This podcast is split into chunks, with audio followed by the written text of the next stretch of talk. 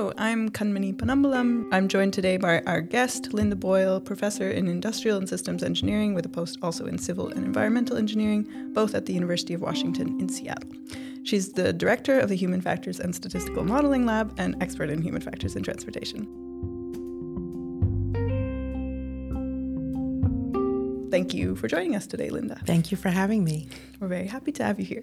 I'm very happy to be here. so, I wanted to talk to you today about the role of human factors research in understanding road safety, both now and uh, as we move toward having more automation in the vehicle. Can you tell us a little bit about why it's important to study the human? Yeah, I think it's very important to study the human because I don't think that we're going to actually be, you know, fully autonomous for a very long time. Or if it, even if we are um, have fully autonomous cars on the road, they will probably be in either dedicated roadways or in very restricted areas. So understanding how the humans will actually respond or react or or just interact in general with the vehicles is very important. And so it's there's really it's really important to understand the human factors aspects of it, which includes being able to understand how humans perceive the systems or, or the cars, how they actually think about the cars, how they will actually respond and act, and then kind of like just what they're going to be doing in general. And so, how does our understanding of the human, as that gets better and better, and also how humans use technology, shape the what the the the road looks like and what those vehicles look like? Yeah, I think it's more of just not just shaping the roads, but shaping the vehicles, shaping the whole entire interface of the car and how we actually provide information to the humans so that they know how to actually um, you know react in different ways. So for example it could be that the human um, needs to understand whether or not the car is going to even move forward. And so how and if there's no driver that's actually in the driver's seat how are they going to know that you know you know what they should be doing? Oftentimes right now we're looking for cues about like you know just hand gestures or facial expressions and all of that is not going to be there so if it's not there, how do we actually know what kind of information would be best for the human user or the human road user so that they know what to do in a particular situation, in any situation actually? Yeah, that's that's interesting. And so how do you develop an idea of how humans behave in those kinds of situations and what they expect? Um, in terms of like how I actually like start designing or, or coming up with a research question. So there's many ways to do it. The first thing is just kind of observing what uh, humans and vehicles do today in terms of like interacting with each other and then trying to understand whether or not we can design for those interactions. Sometimes the interactions that you see in the world today may not actually exist in the future. So you're trying to extrapolate out what could be the scenarios that we should be looking at. So we use a lot of naturalistic data to try to understand the world around us. Oftentimes, though, when we look at the world around us, they're usually rare cases. Like we may see like a particular situation with like a pedestrian, a bicyclist, a vehicle, and their interaction. We're like, wow, that was really interesting. Why did they do that? And you try to kind of find some other scenarios like that in the real world, and they didn't exist. But you know that there's something going on there. So you want to be able to take a look at it a little bit closer. So then you kind of complement the naturalistic data with more controlled laboratory studies. So you will you might want to design a driving simulator study or a test track, a test track study where you have though that specific condition that you saw in the real world you redesign it and now you just want to kind of repeat it with many different users to see was it just that one person or is it something that you can see it in, in a majority of people and so if you see it in a majority of people and it's a safety risk, you want to be able to figure out how you design for it. So now that you understand that number one, there was something that you saw in the real world that you thought was interesting, you design it in a controlled environment and you see that more than one person is actually going to do this. Now you know that this could be a situation that we might have to design for. So now you look at the interface itself and how we actually design the system so that people will actually do something like their actions will actually reflect like how you think that they should be you know responding to a specific situation. And you mentioned naturalistic driving studies. Do you think now with more industry also collecting data in a naturalistic way that the scientific community is benefiting from this kind of data? Hmm. so I think that there is a lot of data out there that's being collected from many different entities you know, in the private, the public um, sector, the government, as well as just, you know, individual researchers. I think sharing data can be a challenge. And I think for some private companies, a lot of the information that they collect is not easily disclosed to the general public, even for research purposes. So I think this idea of like sharing data is going to be a challenge. I, I mentioned this to like other people, but I used to be a big advocate of like setting up data repositories where we all share all the different types of data, particularly naturalistic data, where we can see these behaviors that we would not normally see. I have come to realize from my own data, it is so much work to set up data repositories for the general public to use. You have to set up data dictionaries. There has to be somebody on call all the time to answer all these different questions. Oftentimes, the data we have was collected by a, a graduate student who, the minute they graduate, has not actually cleaned up the data in a way that can be used. So, you, as the principal investigator, has to go through and kind of clean it up. It's a lot of work. So, there's another uh, perspective in this is that instead of sharing data, maybe it's pos- possible to share the models that we created based on the data. And if we can share the models, you know, like let's say in a cloud, and then everybody can use the model with their own data, then they can kind of, you know, build on that information to put back into the cloud so that we can make that model smarter and smarter or, or better and better based on additional information. So when you're talking about these models, what what I'm kind talking, of models? yeah. So I'm talking about not theoretical models, but mathematical models, like statistical models. So let's say, for example, you want to predict what's the likelihood that a vehicle is going to move forward, that a vehicle is going to crash, a vehicle is going to hit a pedestrian, or the pedestrian is going to be able to see the car, for example. So these are all mathematical models that are based on the variables that we collect information on. So these naturalistic data sets provide information on road safety, or excuse me, road characteristics, traffic characteristics, environmentals, even the individual road users. So all that information gets kind of put together into a model, in some sort of um, model. And I usually use statistics. Um, the fancier term now is machine learning, deep learning, um, you know, artificial intelligence. All of them kind of have their basis in looking at data and trying to understand how we bring that data together to do something with it, to predict what's going to happen in the future. And so that model is always as good as the data that we just used for it. But we are limited in the data that we have.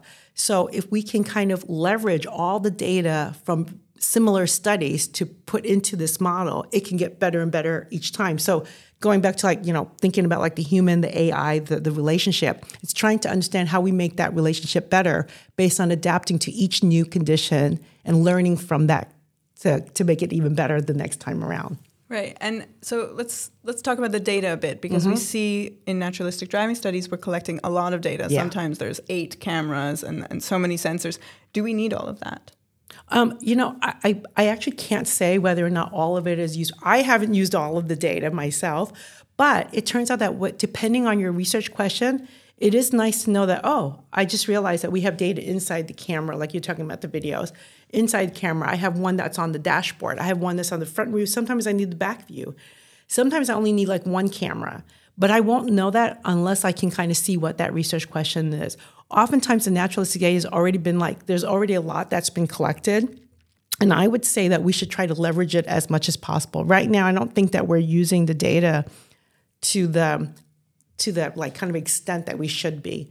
Oftentimes, like we're looking at it, goes, oh, look, we see that snow uh, impacts road safety, but we knew that already. So, can we use it to get some more information about how the driver interacts with other road users? You know, whether it's another car, another pedestrian, um, a bicyclist, you know, or something else. So having said that, do you think that the data for better understanding how automation can improve Mm-hmm. or hurt our road system is out there already or do you think we need more? Or something So- different? yeah, so the data that we have, almost all the naturalistic data that I am aware of, is all based on, I'm just going to call it like cars that have systems in it that you would call maybe level one, maybe 1.5 to two levels of automation. If you think about levels of automation in terms of the Society of Automotive Engineers. So it doesn't have, and, and also a lot of people are not really using the systems, you know, to the fullest potential. I don't even think some of them even know that those systems exist in their cars. So the to answer your question about whether or not we need more data on autonomous vehicles, I'm going to say from a professor perspective, it depends. It depends on what your research question is. if you're trying to understand what the behavior is of systems with humans, I think we have some data in the naturalistic data set that can provide us some insights on that already. And I think we should leverage it because it costs a lot of money to collect this data. And I think it would be very worthwhile to see how people use existing systems. So, for example, almost every car over the past 10 years has adaptive cruise control. And so, for those who do not know what adaptive cruise control is, Cruise control is when you set it to like, say, 100 kilometers per hour and it will just go at that speed. When you have adaptive cruise control, your vehicle will actually slow down if there's a car in front of you.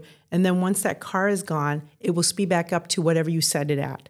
So that particular system already exists in car and it's already assisting the driver in their ability to maintain, um, you know, longitudinal position. So just even understanding how people use that one system, I think is really important. And that data should exist in current naturalistic data right now, but it's trying to be able to figure out how we actually extract out that information. So if we can get some insights onto how people behave, do they become less complacent in certain situations? Do, they become less aware? Or do they become more trusting of the system in situations where it would have never worked to begin with? Is, I think, very insightful and something that hopefully we can be able to get from our current naturalistic data, or at least that's what I would expect. And so, speaking of some of these systems, at SWOV, we re- recently did a study on distraction warning systems. Mm-hmm. And I know that you've done some research in the past that exercised caution or, or suggested there should be caution in giving real time feedback. So, knowing that now driver monitoring systems are actually going to be required by the EU, do you think that those concerns remain and do you think we're going in the right direction? I think the concerns remain in terms of direction. I think research wise, we're getting closer to like what we should get some more information on. For, for example, one of the things about real time information is the timing of when that information should be provided. So if you want the human to actually take over, you want to make sure that you give them a sufficient time to be able to take over but that really depends on where they're even located in the vehicle. So as we get higher and increasingly levels of automation, who's to say that the driver is going to even be in the driver's seat? Well, if they're not in the driver's seat, it's going to take them longer to get back to the steering, you know, to the controls to be able to take over. So to me, that type of research really needs some more emphasis to try to understand like you know what people you know when people should actually take over and how much time we should give when we're giving alerts in real time so it might actually not be real time, might be a, a slight delay. And in terms of monitoring like fatigue and distraction, mm-hmm. how do you feel now about real time feedback, which is what we're seeing in a lot of commercial systems? Like in terms of like feeling like, like warning systems or, or, mitigation systems, like did, even Tesla's hands off the wheel. Right, but when you're saying how do I feel about do, do I think it's okay to monitor yeah. drivers? Well, I, I guess yeah. Do you do you still have the concern about giving feedback in real time, like uh, about distraction and, and fatigue? Yeah, I, so let me just sort of clarify. It's not that I have concerns about providing information about real time. I, I, think it's more about like how you actually provide the information in real time. So that's why I gave the example about like timing, like when you actually provide it. I don't have any problems with giving drivers information about their state. As a matter of fact, I think we should do that and let them know that they're too distracted or that basically you're about to do something that I think is quite dangerous. But um, I think it's how you actually present the information. And it's not even just about timing, it's even about the displays. So if you think about our cars today, we have so many auditory cues. And how do you know what each one actually means? Now, oftentimes, you know, if it's seatbelt and it's a rear end collision and warning systems, clearly the rear end collision warning system needs to go off before the seatbelt sign, right? Or maybe, maybe yes, maybe no. But if you have several like high priority safety information that's going on at the same time, which uh, which alert do you give at first? How do you prioritize which one actually should be provided? And what's really interesting is in many cars, all of these systems are designed by different individuals or different companies. So they're not always talking to each other. So that's another thing, like trying to fuse all the information together so that it works um, simultaneously, so that we kind of have this, you know, kind of like understanding of what's more important and how we actually prioritize the information that we're given. So, to answer your general question about should we provide information about um, what the driver state is, the answer is yes. What type of information is it does depend on what, what what's going on. So you mentioned distraction and fatigue. Those are two things that goes on, but there's a whole bunch of other things. They could be, you know, um, drunk. you know, they could be have you know some sort of drugs. They could be just talking to their child in the back seat. So these are all different things that uh, we have to kind of consider. And so when you mentioned distraction, there's many levels of distraction, many levels of inattention, many levels of fatigue. And so trying to understand what that spectrum is and what are some of the indicators of them is really important to understand what type of information to provide to the driver in real time. Does that make sense? Yes, no, definitely. There's a lot to think about there. Do, do you think that some kind of standardization is necessary? I do think that we should provide some sort of standardization because otherwise, if you go from one vehicle, like let's say from in Europe, a European vehicle to an American vehicle to a Japanese car, it's going to be difficult for you to know what all of these cues mean if they don't if there's not some sort of a standardization of how you actually use the information. If you think about it like the the brakes and the gas, they're always in the same place for a reason, right? You don't just kind of move them around because you want to make sure that if I'm going to be renting a car in Europe that I know actually how to stop the car or start it. Definitely. um, so, okay, let's look deep into the future. You mm-hmm. mentioned uh, here at SWOV that you're doing well, not here, but you mentioned that you're doing interesting research on automated vehicles as the future workspace. Can ah, you yes, talk yeah. a little bit about that? Yes. So I have a project, and I want to acknowledge my colleagues. Um, I'm working with people at the University of Wisconsin Madison, John Lee, University of New Hampshire, um, Andrew Kun, uh, Orit Shaer at Wellesley, and Raffaella Sadun at Harvard. And together, we're looking at uh, the idea of individuals in their car, basically using it as a work office. So it's the future of work in cars. And why would we want to look at it that way? Because focus groups that we have done has actually indicated that many people want autonomous vehicles because they want to do other things in the car besides focusing on, on the road. And so what a lot of people, particularly knowledge workers, knowledge workers are those that actually think for a living. They're not tied down to a factory and they usually multitask at the same time. Many researchers would be considered you know, knowledge workers. And so they also oftentimes, you know, work on their computers in the car. They have meetings in the car. They're doing all these things that they could probably do in the office. And they want to be productive in doing them as well. So, what does that mean? What does that actually entail? So, the project that we're looking at is what does it mean to actually work in your car? Like if you wanted to set it up as an office, what does that mean? That includes everything from just the environment, the ergonomic environment, to being able to have a very um, thoughtful meeting in the car, to um, even making sure that you're not motion sick. You know, when you're, because oftentimes when you're driving in a car, it's very hard for some individuals to read because you're not quite stable. So, how do you even set up the illumination, the lighting conditions, so that you can actually have a productive uh, work environment? Wow. Very interesting. Maybe a little dystopian, even. It is. It is. It's very futuristic, but that's what makes it fun is mm-hmm. to try to think of a future of a what if scenario where you know it's not based on what the car looks like now but what on, what could potentially provide so for example you might instead of having a future of working cars maybe a future of fun you might want to get massages or you know have parties in your car how would you actually set up your environment so that you can get from you know, place, you know, point A to point B, but just doing something that you had, would have wanted to do if you were at a nightclub or something. well, that sounds a lot more fun to me. um, so, yeah, I just want to thank you, Linda. It's been great having you visit us here and yeah, uh, learning from your own insights and research.